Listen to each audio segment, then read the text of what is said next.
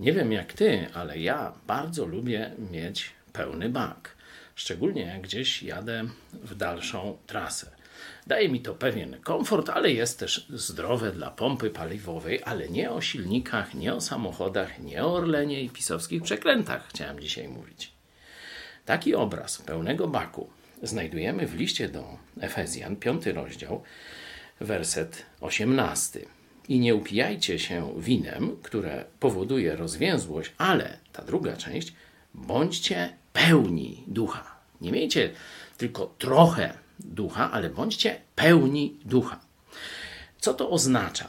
Oznacza to całkowite zaufanie do Jezusa. Jeśli całkowicie, jak gdyby złożysz swoje zaufanie w, w codziennym życiu na Jezusa Chrystusa, to Jego duch całkowicie cię wypełnia. I wtedy zobaczcie sobie już sami dalej, jak wygląda życie człowieka.